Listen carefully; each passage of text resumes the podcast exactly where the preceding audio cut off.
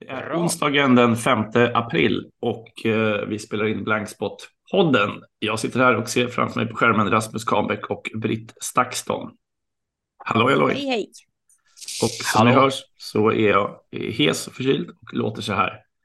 Men ska ändå försöka bidra med något, någon tanke i detta, i detta samtal. Eh, Något du delar med många som Ja. är otroligt förkylda märker man och så. Ja, ja, Ja, så är det. Ja, ska vi... eh, Tänkte Rasmus, du är den som har eh, varit utanför konungarikets gränser Ja, senast här. Jag är nyss hemkommen från Armenien och landade Precis. mitt i hetluften med Azerbajdzjan-Sverige. Eh, Mm. Matchen på, på Friends Arena. Ja, ja det, det, var väl, det var väl en bra tanke jag hade att först åka till eh, Armenien och kolla på Armenien-Turkiet eh, Mm. och sedan åka hem och kolla på Sverige-Azerbajdzjan. mm, Eh, det är ju, även om det är fyra olika länder så är det tre av de här länderna har ju väldigt mycket med varandra att göra, minst Mm. sagt. Armenien, Turkiet och Azerbajdzjan. Det var en, det var en ganska häftig upplevelse, två stycken upplevelser. För jag, jag tänkte när jag åkte att den, den mest politiska matchen skulle vara mellan den Armenien och Turkiet. Det var ju därför jag åkte till Armenien egentligen mm, för att kolla, eh, kolla på den. Men Uefa eh, hade gått in och förbjudit borta supportrar och själva stämningen på matchen var att nu ska vi inte prata politik och jag blev till och med tillsagd av andra eh, armeniska journalister att ställ inga politiska frågor nu. Eh, det, det är inte det vi ska hålla på med här. Och sedan kommer jag hem till Sverige och kollar på Sverige-Azerbajdzjan och så eh, så blir det ett eh, himla rabalder när Mm. armeniska aktivister gör en politisk aktion på matchen. mm. Och du skrev ju där dels om hur eh, man hade vecklat upp en banderoll som punkterade blockaden av eh, Lashin-korridoren in till Nagorno-Karabach och också en händelse där en stol kastas på en fotograf från den azerbajdzjanska klacken. Eh, och alla parter visste om att detta skulle ske. Det var ju allmänt känt för, eh, för både polisen, Säkerhetspolisen, Svenska fotbollsförbundet och de azerbajdzjanska bortasupportrarna att de armenierna planerade en aktion tre Mm. veckor i förväg. Eh, det har ju stått i tidningar. Eh, Mm. och så vidare. Så att det, eh, det, det, det, det känslosvallet som uppstod när aktionen väl skedde, trots att alla parter var beredda på det, säger ju ganska mycket om konflikten på ett Mm. mikroplan. Mm. Var det något som eh, slog dig? Jag tänker du har varit många gånger i, i regionen vid det här laget nu. Var det någonting som, Mm. som förvånade dig liksom mest eller som sånt där som man inte kan läsa sig till på Twitter men som man upptäcker när man väl är på plats att shit, Ja. det är det här som, är, som har hänt sen Ja, sist. nej men det, det, alltså anledningen till att jag åkte nu eh, och det kommer, jag håller på att skriva ett stort reportage här för Blanksport Mm. och eh, göra en liten film från det sen också som kommer ut. eh. Men anledningen till att jag åkte nu, eh, förutom fotbollsmatchen var jag för sju månader sedan var jag i Armenien i, i juli och Mm. sedan jag har varit i Armenien så har Delvis har man flyttat på Latjin-korridoren med våld i, i, mot de överenskommelser man haft mellan Azerbajdzjan och Armenien. Och delvis har man haft eh, eh har man anfallit Armenien, Azerbajdzjan invaderade ju Armenien i september förra året. Eh, och dessutom har EU nu fått eh, manskap på plats för att ha en civil eh, mission och man har haft blockaden av Latjin-korridoren. Så på bara de här sju månaderna har det hänt så otroligt mycket. Mm. Ehm, och eh, så att, så att vad jag ville göra var att åka tillbaka och träffa samma människor som jag träffade då för sju månader sedan. Eh, I mångt och mycket för att se hur, hur mår de eh, Mm. egentligen? Vad är det som har hänt? Vad är, det som, vad är de stora skillnaderna? Och det som, man, det, det som jag verkligen har tagit med mig är att eh, innan allt det här hände för sju månader sedan så talade armenier om ett säkerhetshot, men man talade om ett säkerhetshot gentemot Nagorno-Karabach. Men i och med invasionen i september som var väldigt blodig Mm. eh, så talar man nu om ett säkerhetshot mot Armenien och det har medfört eh, en, en helt annan rädsla får man väl uttrycka det, men också en helt annan eh, syn på de här ryska trupperna som finns i landet. Att, Mm. eh, att man, man har en stor besvikelse mot Ryssland. Mm. Ehm, och och här, här är det inte så att den här EU-missionsstyrkan kan gå in och ersätta Rysslands roll som någon form av påhittat säkerhetsgarant som det ändå visar sig att det är, eh, utan EUs roll kan bara gå in och ersätta eh, delar av detta. Så att det som man pratar väldigt mycket om i Armenien, både vanligt folk och intellektuella, är vem ska vi förlita oss på i framtiden? Mm. Och det senaste är att man då har börjat prata väldigt mycket om Iran, att man då ska förflytta sin, sin säkerhetspolitik gentemot Iran. Där man, och anledningen till det är att Armenien och Iran har gemensamma intressen i att eh, eh täva det azerbajdzjansk-turkiska hotet. Mm. Ja, spännande. Eh, ser verkligen fram emot läsning. Um, men vad har du spanat på? Det är lite matpriser och, och så vidare. Det har ju hänt hel del på, på den fronten. Det, det, skrivs ju, ett tag skrevs det en text i timmen om, om det här med matpriserna.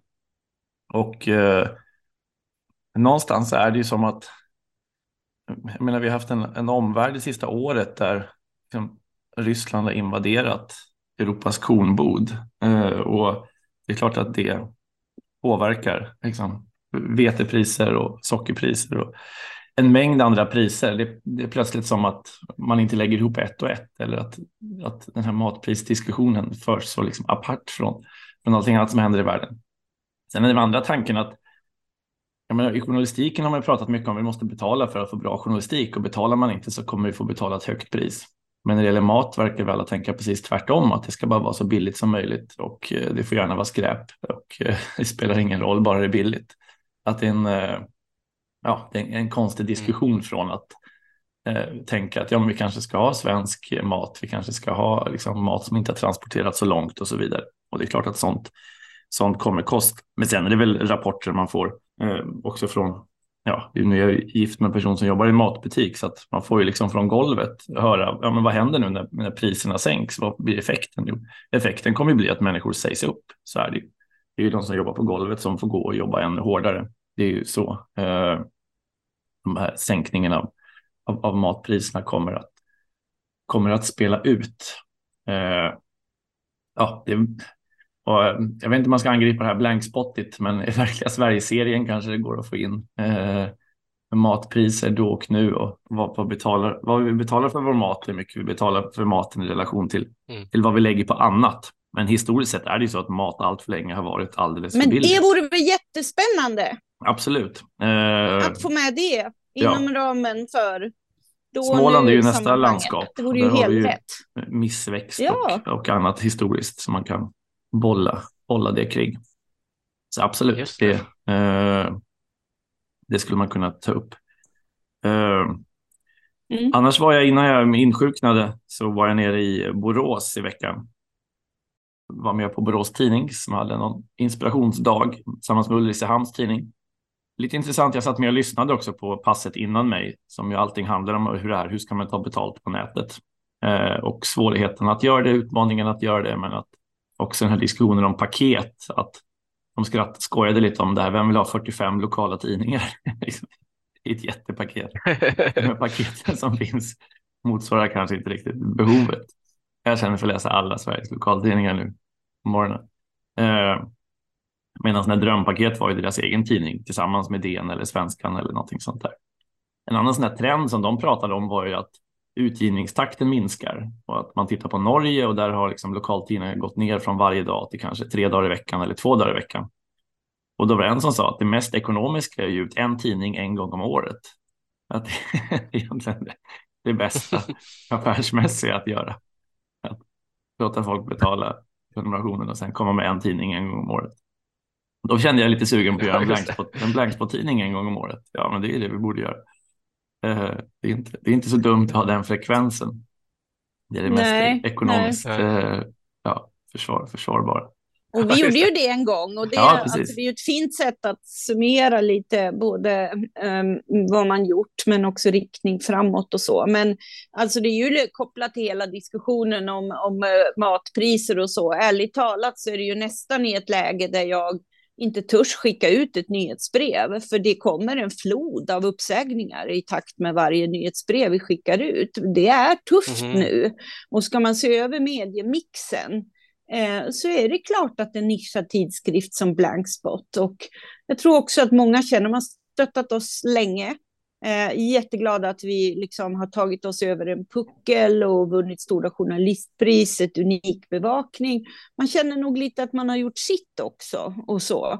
Det är fortfarande helt fantastiska eh, uppsägningsbrev, men också väldigt, man planerar framåt. Vissa har en prenumeration som löper till i november. Man har redan aviserat för att liksom göra oss beredda mm -hmm. på att jag kommer inte ha råd ett år till. Så det är mm. klart att man behöver hitta på något för att eh, eh, liksom ge chansen att någon annan plockar upp den stafettpinne som de har gjort, som har stöttat oss i åtta års tid. Eh, så att jag kan tänka mig hur det ser ut i, hos eh, alla redaktioner mm. Eh, just nu, mm. liksom, där man eh, tittar på, på de ekonomibitarna av journalistik, verkligen. Mm. Och också ja. att de, alla där var ju så fokuserade på åldersgruppen. Det var 30 till 39. Det är liksom där man vill få folk att börja betala. Eh, och det var ju som du sa Britt, jag nämnde det för dig, att det är verkligen ett argument för vår modell med en fri sajt. Att, herregud, ja. människor som är under 30 måste också ha tillgång till kvalitetsjournalistik. Och att ja. man vill ha den insikten att ja, men alla ni som lyssnar och betalar för Blankspot, ni gör ju det också för någon annan. Det är ju så det funkar. Ja. ja man kan betala det gör också att andra kan ta del av ta del av journalistiken och läsa den. Men det, men det har ju, ja, det som var lite så när man var, ja, det där är ju jättekonglomerat med hur många de var, 50-60 anställda på Borås Tidning och så, jag menar, det är jättestora verksamheter som går liksom absolut inte att jämföra med det är ens, ens egen BNP-verksamhet. Mm. Men eh, Första gången ändå så märkte man att folk var skakade. Det har ju gått så himla bra ett tag och det har liksom rasslat på med digitala prenumeranter och man har känt att man har knäckt koden. Men man känner verkligen en sån liten kris. Insikt hos många och mycket sådana här halvgalna idéer som att tidningar ska, ska bli bredbandsleverantörer och ska man ta liksom som ett elabonnemang och få tidningen på köpet. Och då är det svårare att säga mm. upp för att man säger inte det upp sitt el. Som Frick ju. Ja, man säger inte, ja, han var väl före sin tid där. Man säger inte upp sitt elabonnemang ungefär. Eh, det är ingen ja. som orkar. Eller, ja, eller bredband då, att man skulle på så sätt få folk att betala för, för journalistik. Eh, mm. Ja, och det visar ju lite att då börjar man ju tappa tron på att ändå att det är innehållet man tar betalt för lite grann. Mm.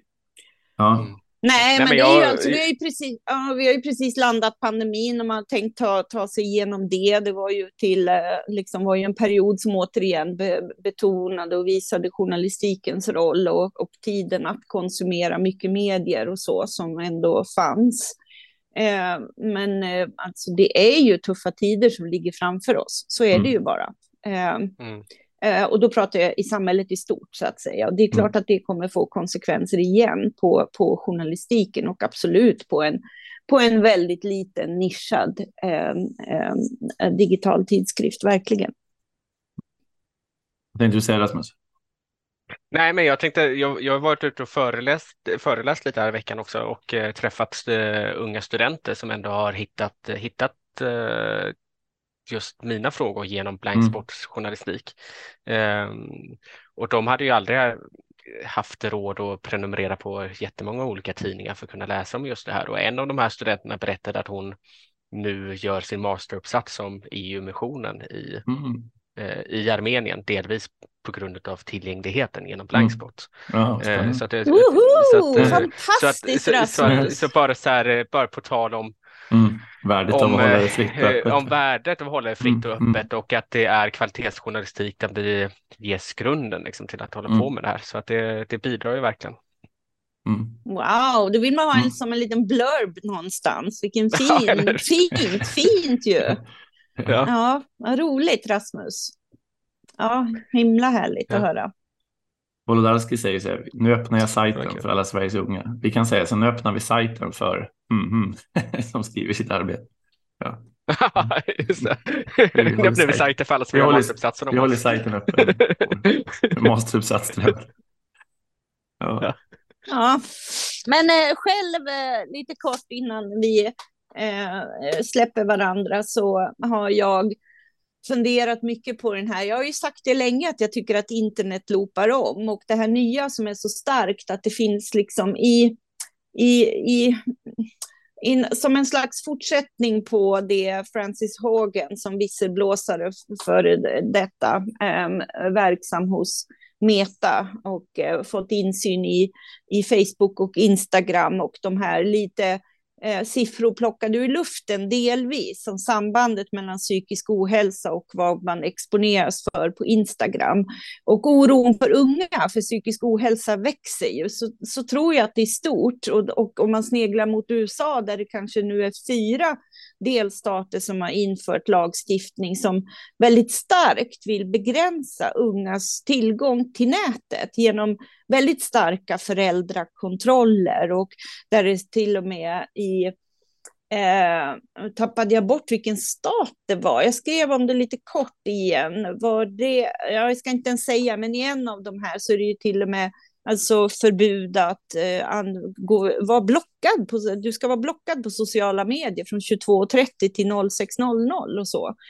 Ehm, ehm, eh, och eh, i Frankrike har man infört ett porrpass som ska fungera, att man på samma sätt ska legitimera sig och visa att man är över 18 år. Och det lanseras som ett sätt att skydda unga från porr, men kanske är det det man skapar ett jätteregister över alla som konsumerar porr eh, ju också, eller pornografi.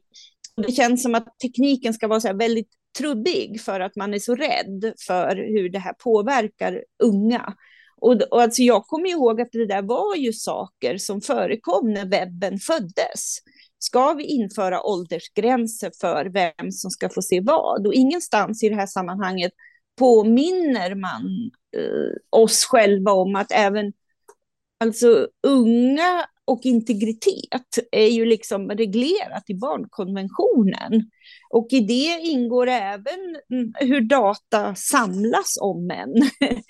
Eh, men också rätten till tillgång till information. Och eh, jag tycker att det här är så intressant, så jag håller på och fnular om en längre text om de här trubbiga sätten att försöka hantera komplexa problem. Och inte ens om man tittar på någonting som, jag vill ju inte framstå som någon porrförespråkare, men inte ens där, trots den ökade tillgången till porr, så ser man ju enligt en rapport från Barnombudsmannen från 2021, så är det ju ändå, det är ju inte att, att konsumtionen har gått upp, utan det är ju snarare att den stora bulken av unga bär ju också med sig en, en, eh, en syn på människor, Eh, eh, genus, hur man pratar om och med varandra, hur man agerar i sexuella situationer. Man är ganska kritisk. Sen finns det en liten kärna av, som, som blir eh,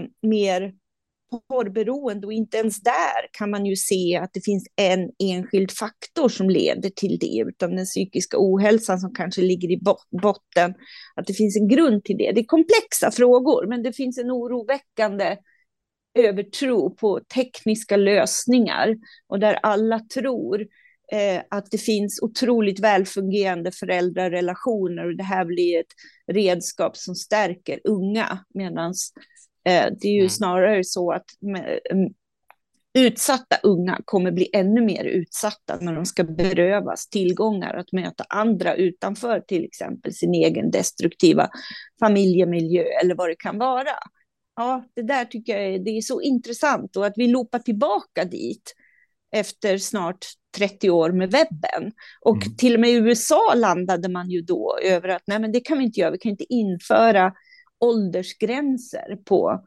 eh, random sajter för att vi, när ska det göras? När det är 100% pornografi eller när det är 10% och så vidare. Ja, men ni fattar. Ja, jag tycker det är intressant. Så det, det är vad jag går och funderar på just nu.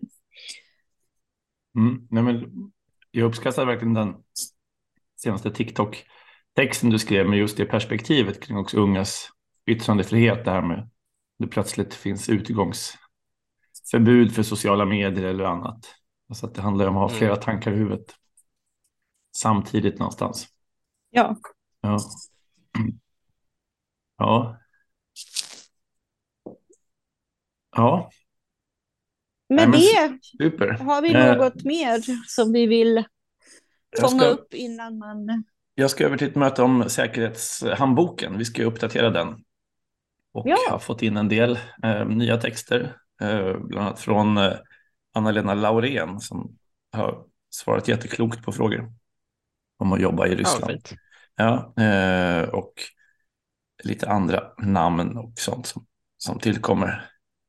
Så får vi se eh, när vi får ihop, får ihop den.